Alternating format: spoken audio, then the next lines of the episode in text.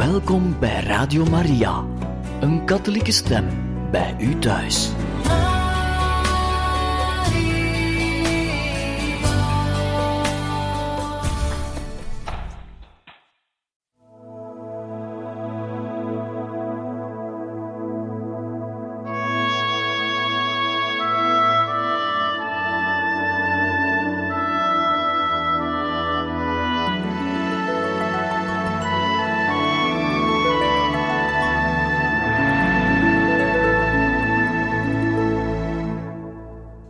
Beste luisteraars van Radio Maria, welkom in het programma Heiligen Getuigen.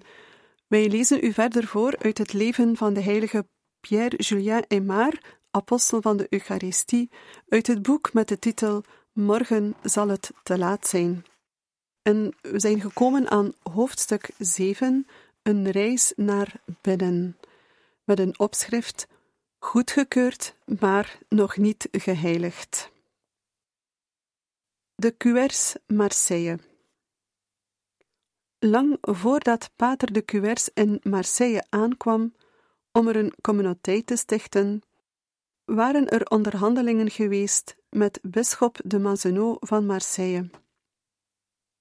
De Cuers kende Marseille goed uit zijn tijd als zeeofficier en als het bisdom waar hij enkele jaren daarvoor de gemeenschap van nachtelijke aanbidding had opgericht. Gedurende vele jaren werd de communiteit van de Congregatie van het Heilige Sacrament in Marseille gekenmerkt door het bijzondere stempel dat Pater de Cuers erop drukte. Het gemeenschapsleven en het programma voor de aanbidding waren strak georganiseerd. Meer dan andere vestigingen behield deze communiteit de rijkdom van de uitstelling en werd de koninklijke dimensie van de goddelijke aanwezigheid in de kapel benadrukt. Hier werd voor het eerst de koninklijke mantel gebruikt om het koninklijk aspect van de uitstelling te versterken. Hier werd de aggregatie van het Heilige Sacrament opgericht, een organisatie van leken die zich aansloten bij de doelstellingen van de congregatie en waarvan de leden beloofden één uur per maand te bidden voor het Heilige Sacrament. Hier begon de eerste openbare devotie tot Maria onder de titel Onze Lieve Vrouw van het Heilige Sacrament. Het weinige geld dat hij had, besteedde Pater de Cuers aan de versiering van de kapel. Hij haalde Eymar over een timmerman uit Parijs te sturen voor het houtwerk in het heiligdom. De Cuers had al snel geen geld meer, maar hij had eerder in armoede geleefd. In Parijs, tijdens de moeilijke jaren van de eerste communiteit, was het niet de armoede die hem had verdreven. Hij had nooit veel aandacht besteed aan zijn eigen welzijn. Zijn enige soutane was in zo'n slechte staat dat hij er niet mee naar buiten kon. Soms drongen vrienden er bij hem op aan om mee te eten, omdat ze wisten dat hij niet goed at. De aartsbisschop werd op de hoogte gebracht van de situatie en schreef hij maar een brief waarin hij hem uitnodigde in de kathedraal te komen preken om geld in te zamelen voor de arme communiteit in Marseille. Pater Eymar aanvaarde deze uitnodiging. De vicaris-generaal van het bisdom stuurde een brief aan alle pastoors waarin hij de gebeurtenis aankondigde. De brief moest in de kerken worden voorgelezen. Aan het eind van de plechtigheid zou een collecte worden gehouden, schreef de vicaris-generaal. De bisschop zou in de viering voorgaan. De ijver van Pater de Cuers om de uitstellingstroon te verfraaien, werd zelfs door Pater Eymar niet geëvenaard. Op de openingsdag werd een grote koninklijke mantel als achtergrond voor de monstrans boven het altaar opgesteld.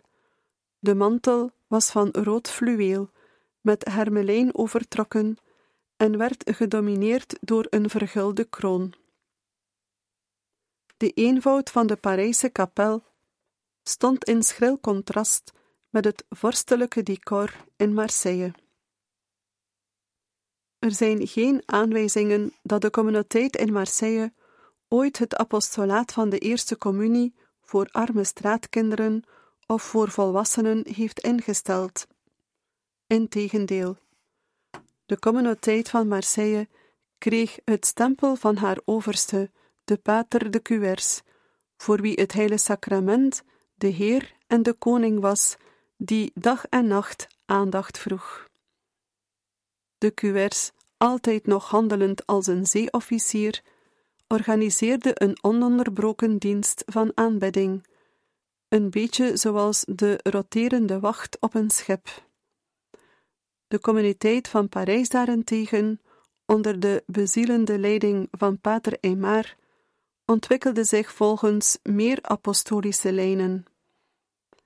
Jaren later, toen Pater de Cuers Aymar opvolgde als algemeen overste en de Parijse communiteit verhuisde naar de overkant van de Seine, liet zij de armen al snel achter zich. Vanaf dat moment stond de gemeenschap van Marseille model voor de congregatie van het Heilige Sacrament en verdween de ijver van de stichter voor de armen en het werk van de Eerste Communie. De nieuwe congregatie trok de aandacht van veel bisschoppen, en sommigen nodigden Pater Eymar uit om in hun bisdom een communiteit op te richten. Een van de eersten die een verzoek indiende, was de bisschop van Arras, die de komst van een Eucharistische gemeenschap wenste, gewijd aan eerherstel. Eymar wees deze uitnodiging af, omdat hij het werkterrein van zijn congregatie niet wilde beperken.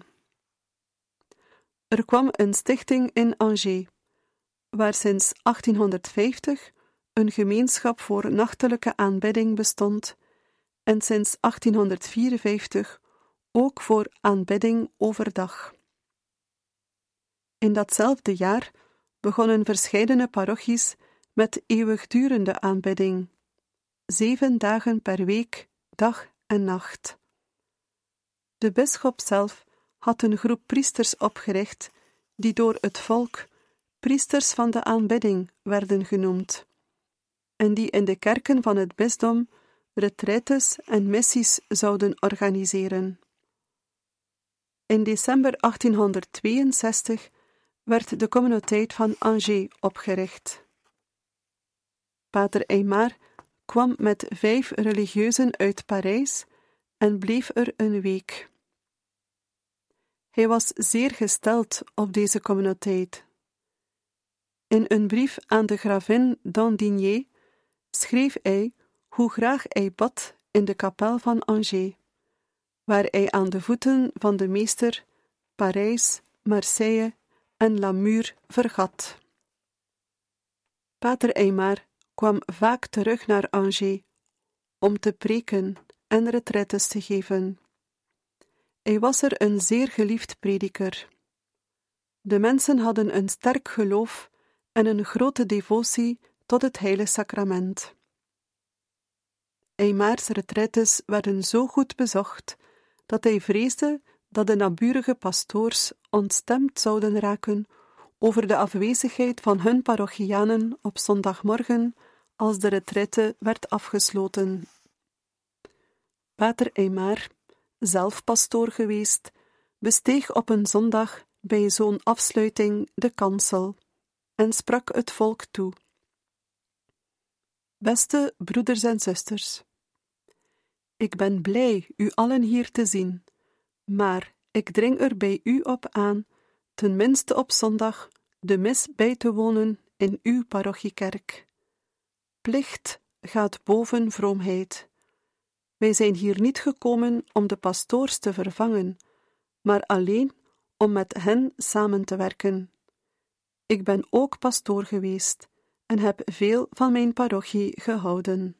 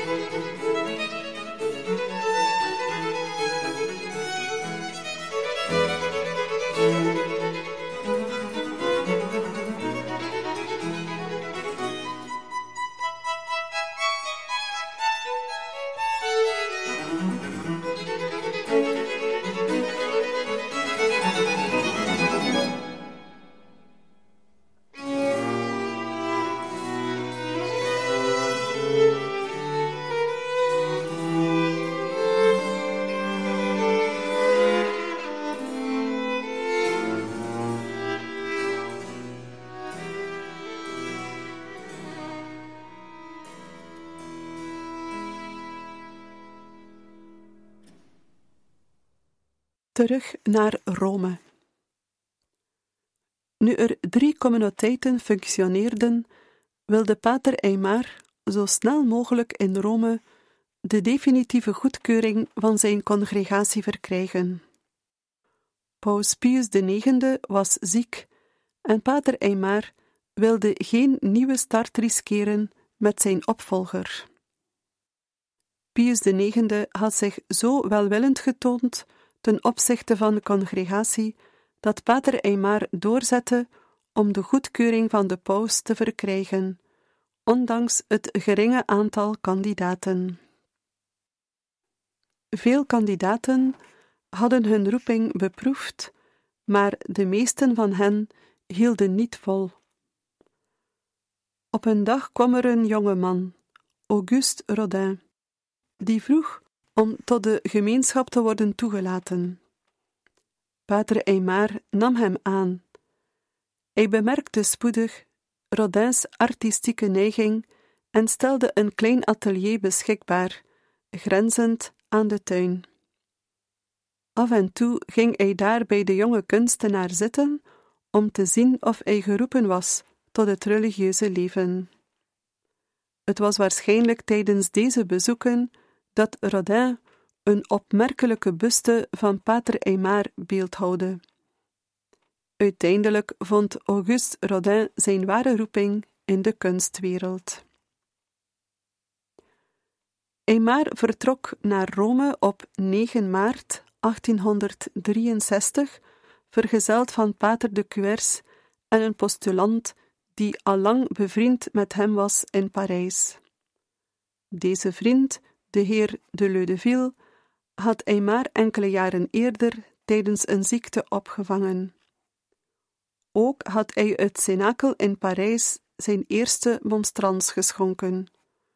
Nu had hij aangeboden de reis naar Rome te betalen. Drie dagen lang dobberden zij rond op de woeste zee tussen Marseille en Civitavecchia. Vader Eymar, die niet de maag had van zijn scheepsmaat, was de hele reis ziek. In Rome logeerden ze bij de paters van het Heilig Kruis, die de kapel van de heilige Brigitta op Piazza Farnese beheerden, waar het heilige sacrament werd uitgesteld. Gedrieën volgden zij de vieringen van de Goede Week. Het verzoekschrift was voorgelegd aan de Heilige Vader, maar er kwam geen antwoord. Eymar bad. De Cuers en de Ludeville bezochten de kerken van Rome. In april en mei bleef een antwoord uit. Ondertussen was er op het politieke front onrust in het land. Koning Victor Emmanuel van Italië verzamelde een leger in Piemonte in het noorden. In het zuiden plande Garibaldi de overname van de kerkelijke staat, terwijl de Franse troepen in Rome gelegerd bleven om hun belangen te beschermen en de territoriale aanspraken van de paus te verdedigen. Uiteindelijk bleek de Franse poging te vergeefs, omdat de kerkelijke staat opging in een verenigd Italië. Bij gevolg kon de paus, die al in slechte gezondheid verkeerde en in beslag werd genomen door het behoud van zijn greep op de pauselijke gebieden, niet reageren op het verzoekschrift van Eymar. Uiteindelijk informeerde Pater Eymar discreet naar de vertraging en of er iets was dat hij kon doen om de zaak te bespoedigen. Hij kreeg het advies met de kardinaal te spreken die met deze zaken belast was. De kardinaal liet weten dat de zaak vertraging opliep omdat iemand zich had aangediend met beschuldigingen tegen Eymar. Eymar was sprakeloos. Wat voor beschuldigingen? De vraag werd aarzelend gesteld, niet uit vrees het antwoord te horen, maar uit puur ongeloof. De kardinaal antwoordde dat Aymar er ten eerste van beschuldigd werd de Maristen zonder toestemming te hebben verlaten, en ten tweede dat de residentie van zijn communiteit in Parijs verbonden was met het gebouw waar vrouwelijke catechisten waren ondergebracht. Pater Eymar ontkende deze laster ten stelligste. Hij legde documenten voor waaruit bleek dat alles volgens de regels en in goede orde was verlopen. Na bestudering van de documenten verzekerde de kardinaal hem dat hij de zaak met de paus zou bespreken en beloofde een spoedige oplossing van deze ongelukkige kwestie. Ondertussen werd de aanklager van Eymar zelf aangeklaagd en moest hij zijn verontschuldigingen aanbieden. Aangezien in Rome niets snel gaat, had pater Eymar de tijd om zich in het klooster van de Passionisten terug te trekken, in afwachting van het antwoord op zijn verzoekschrift. Eindelijk ontving hij op 10 juni het lang verwachte decreet van goedkeuring. Daarin stond onder meer: De hierboven genoemde priester, Eymar, heeft aan de Heilige Vader, Paus Pius IX, zijn nederige verzoekschrift voorgelegd voor de goedkeuring van de religieuze congregatie. Zijne heiligheid keurt goed en bevestigt met dit decreet deze congregatie van het Heilige Sacrament als een instituut met eenvoudige geloften onder het gezag van een generaal overste. De goedkeuring van de constituties waarop de Heilige Vader enkele correcties wil aanbrengen, wordt tot een later tijdstip uitgesteld. Gegeven te Rome, 3 juni 1863. Het was al met al een lange reis geweest. Alle pijn, het hartverscheurende vertrek bij de Maristen, de armoede, het gebrek aan roepingen en de beschuldigingen die het hele project bijna deden ontsporen, dat lag nu allemaal achter hem. Met het decreet van goedkeuring in zijn hand en dankbaarheid in zijn hart, haastte hij zich om zijn vreugde te delen met Pater de Cuers. Toen de Cuers het document had bekeken, barstte hij in woede uit en riep: Wat doet uw naam op dit decreet?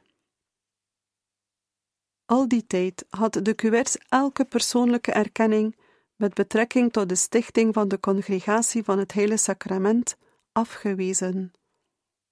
Hij had schijnbaar geen bezwaar tegen het ontbreken van zijn eigen naam op het document, maar hij dulde geen enkele persoonlijke erkenning van welke aard dan ook.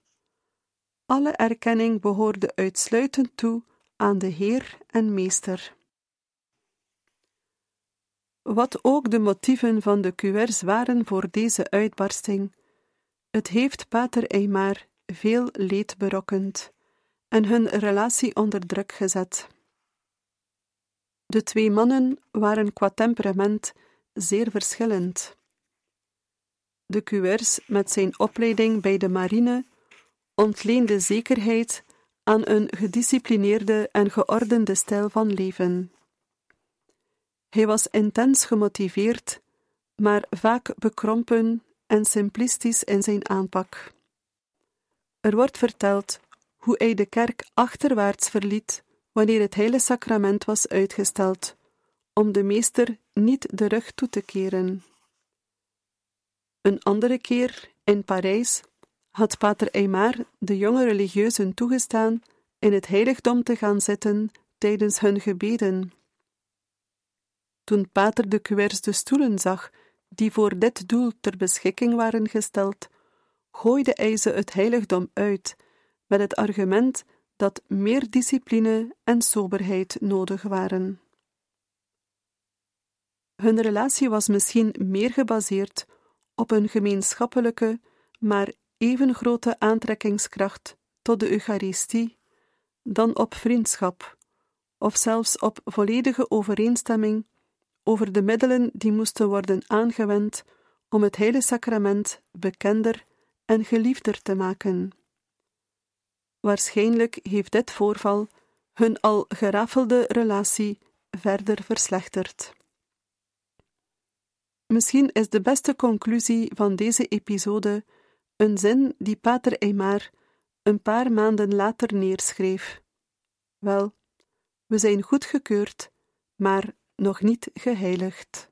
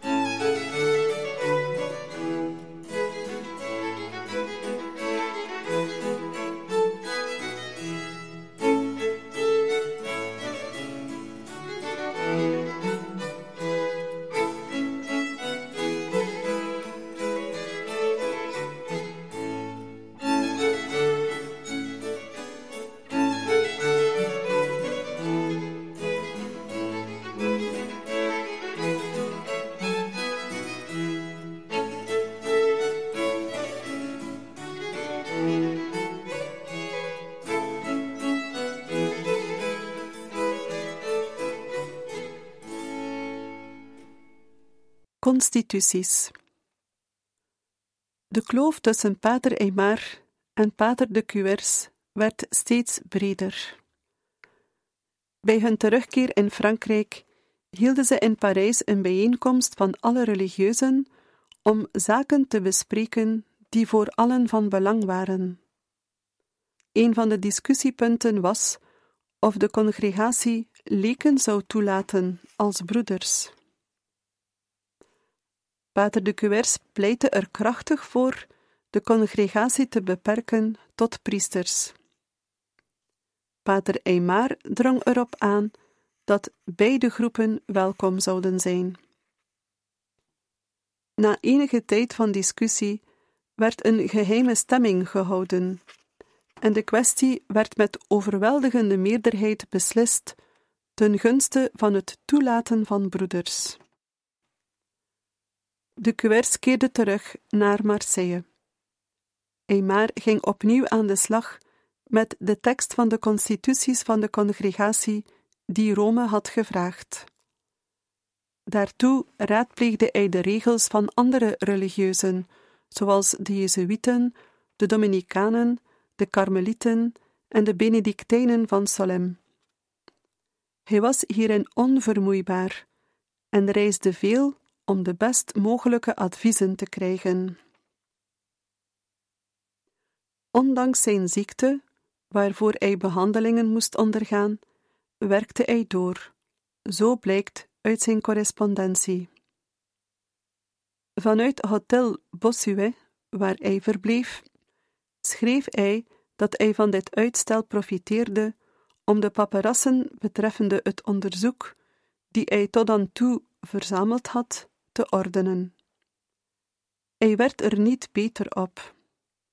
Uiteindelijk volgde hij het advies op van Pater Chanuet en accepteerde een uitnodiging om een tijdje door te brengen op het kasteel van de zwager van Chanuet in Saint-Bonnet-le-Froid, in de heuvels buiten Lyon.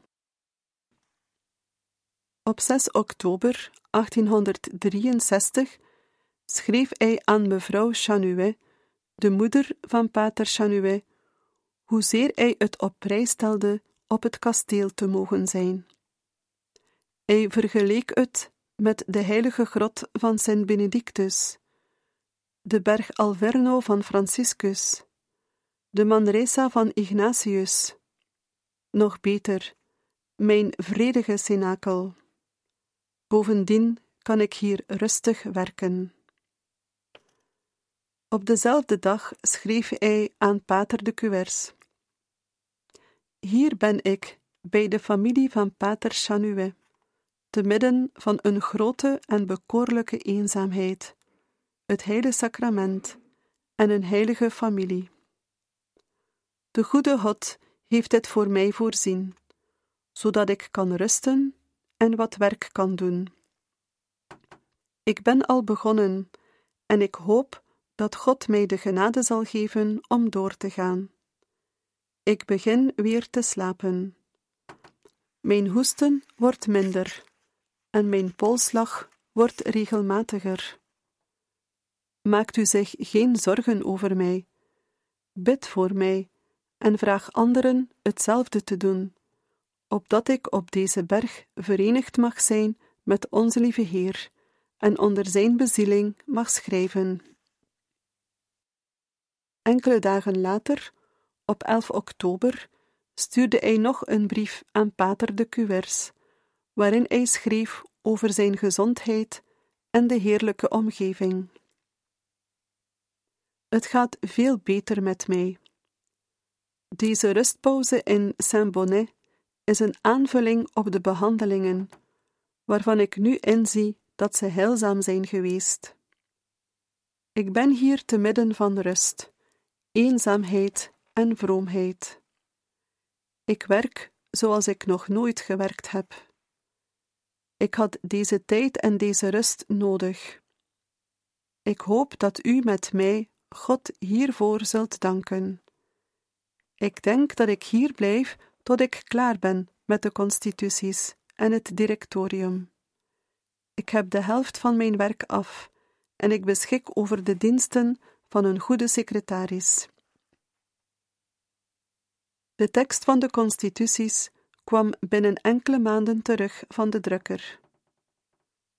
Pater Eymar overhandigde een exemplaar aan elk lid van de congregatie met deze woorden: Uw gedrag moet deze regel goedkeuren voordat hij van hogerhand wordt goedgekeurd.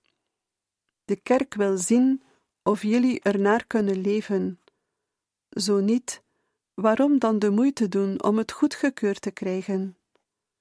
Deze regel wordt door geen andere goddelijke of hemelse inspiratie gekenmerkt dan dat hij tot doel heeft het dienstbetoon aan ons lieve Heer in het heilige sacrament door een groep mannen die uitsluitend aan Hem zijn toegewijd. Jeruzalem Pater Eymar probeerde nu de vierde communiteit van de congregatie tot stand te brengen. Aangemoedigd door de sterke steun van Pater de Cuers, keek hij naar Jeruzalem. Er leek hem geen geschiktere plaats voor de volgende communiteit dan het cenakel waar Jezus het brood had gebroken met zijn leerlingen en hun had opgedragen: Doe dit tot een gedachtenis aan mij. Op 24 januari 1864 vertrok Pater de Cuers samen met een jonge theologiestudent, Albert Tesnière, naar Jeruzalem. Ze maakten een tussenstop in Rome om introductiedocumenten te verkrijgen en gingen weer op weg. Ze voorzagen niet dat het onmogelijk zou zijn om zelfs maar een voorstel te doen voor een eventuele aankoop van het cenakel van de moslims die het in bezit hadden, en voor wie de plaats even heilig was, omdat die de graftombe van koning David herbergde. Toen ze beseften dat het onmogelijk was, besloten ze een plaats in de nabijheid van het cenakel te kopen. Maar eerst moesten zij terug naar Rome om toestemming te krijgen. Daar maakte Pater de Cuers op zijn gebruikelijke rechtlijnige manier aan iedereen duidelijk dat hij hoopte op toestemming om in Jeruzalem een stuk grond te kopen in de buurt van het cenakel, met het doel er een religieuze gemeenschap te stichten. Het bericht verspreidde zich snel. De Franciscanen, die het alleenrecht hadden op de bediening van de heilige plaatsen, protesteerden heftig om hun bevoorrechte positie in Jeruzalem te beschermen. Als direct gevolg van hun ingrepen kwam dit Eucharistische project tot stilstand. In november vertrok Pater Eymar naar Rome om zelf te proberen te onderhandelen over de stichting in Jeruzalem. Hij boekte weinig vooruitgang. Dagen werden weken en maanden. Pas op 29 maart 1865 kreeg hij een definitief antwoord. Er zou geen stichting komen in Jeruzalem. Hij aanvaarde de beslissing als de wil van God en keerde de volgende dag terug naar Parijs. Retraite in Rome. Tijdens dit lange verblijf in Rome, in afwachting van een antwoord op de vraag over Jeruzalem, maakte Pater Eymar van de gelegenheid gebruik om van januari tot eind maart een retraite te houden in het Redemptoristenklooster.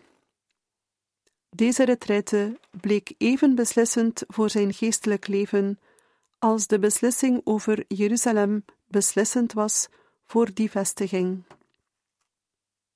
De openingsregels van zijn retraitenotities onthullen zijn intentie. Het doel van deze retraite zou zijn te werken aan mijn persoonlijke heiliging. Tegen het einde van de retraite legde Pater Eymar de gelofte van mijn persoonlijkheid af aan God. Dit geschenk van zijn eigen wezen was de ultieme daad van overgave. Zijn hele leven had hij God stukjes van zichzelf aangeboden: zijn goede werken, zijn hart, zijn wil, zelfs zijn mislukkingen. Met de gave van mijzelf verklaarde hij bereid te zijn God volledig en totaal de leiding te geven over zijn hele leven en over zijn hele persoon. Deze zelfgave vereiste dat hij de Heilige Geest toestond hem te transformeren. Vanaf dit moment legde hij zich in Gods vormende handen. Hij besefte dat de vooruitgang in heiligheid niet afhangt van de inspanningen die men zich getroost, hoe heroïs die soms ook mogen zijn, maar van de intensiteit en de volledigheid waarmee God zich van de persoon meester maakt en zijn of haar leven richting geeft. Jarenlang had hij geleefd alsof de vooruitgang in het geestelijke leven afhing, zo niet uitsluitend, dan toch in belangrijke mate, van de kracht van zijn wil. Persoonlijke discipline, had hij gedacht, was een bewijs van een sterke wil en bij gevolg van Gods kracht. Door zijn verlossing afhankelijk te maken van de kracht van zijn eigen wil, legde hij de verlossing in zijn handen, niet in die van God. Nu wist hij dat hij alleen maar God het heft in handen hoefde te laten nemen. Met de gave van zichzelf zou hij God toestaan de leiding over te nemen. Deze retraite bleek een scharnierpunt in zijn leven te zijn, omdat die hem een diep inzicht verschafte in de dynamiek van zijn eigen ziel. Hij was erin geslaagd zich te bevrijden van een preoccupatie met daden van de wil als maatstaf voor de geestelijke vooruitgang. Toen hij Rome verliet, ging hij niet over zee, maar via Turijn naar het noorden, omdat hij geen zeeziekte meer zou kunnen verdragen. Beste luisteraars, wij beëindigen hier het voorlezen van het leven van de heilige Pierre-Julien Aymar, apostel van de Eucharistie. Wij danken u heel hartelijk voor het luisteren en graag tot een volgende keer.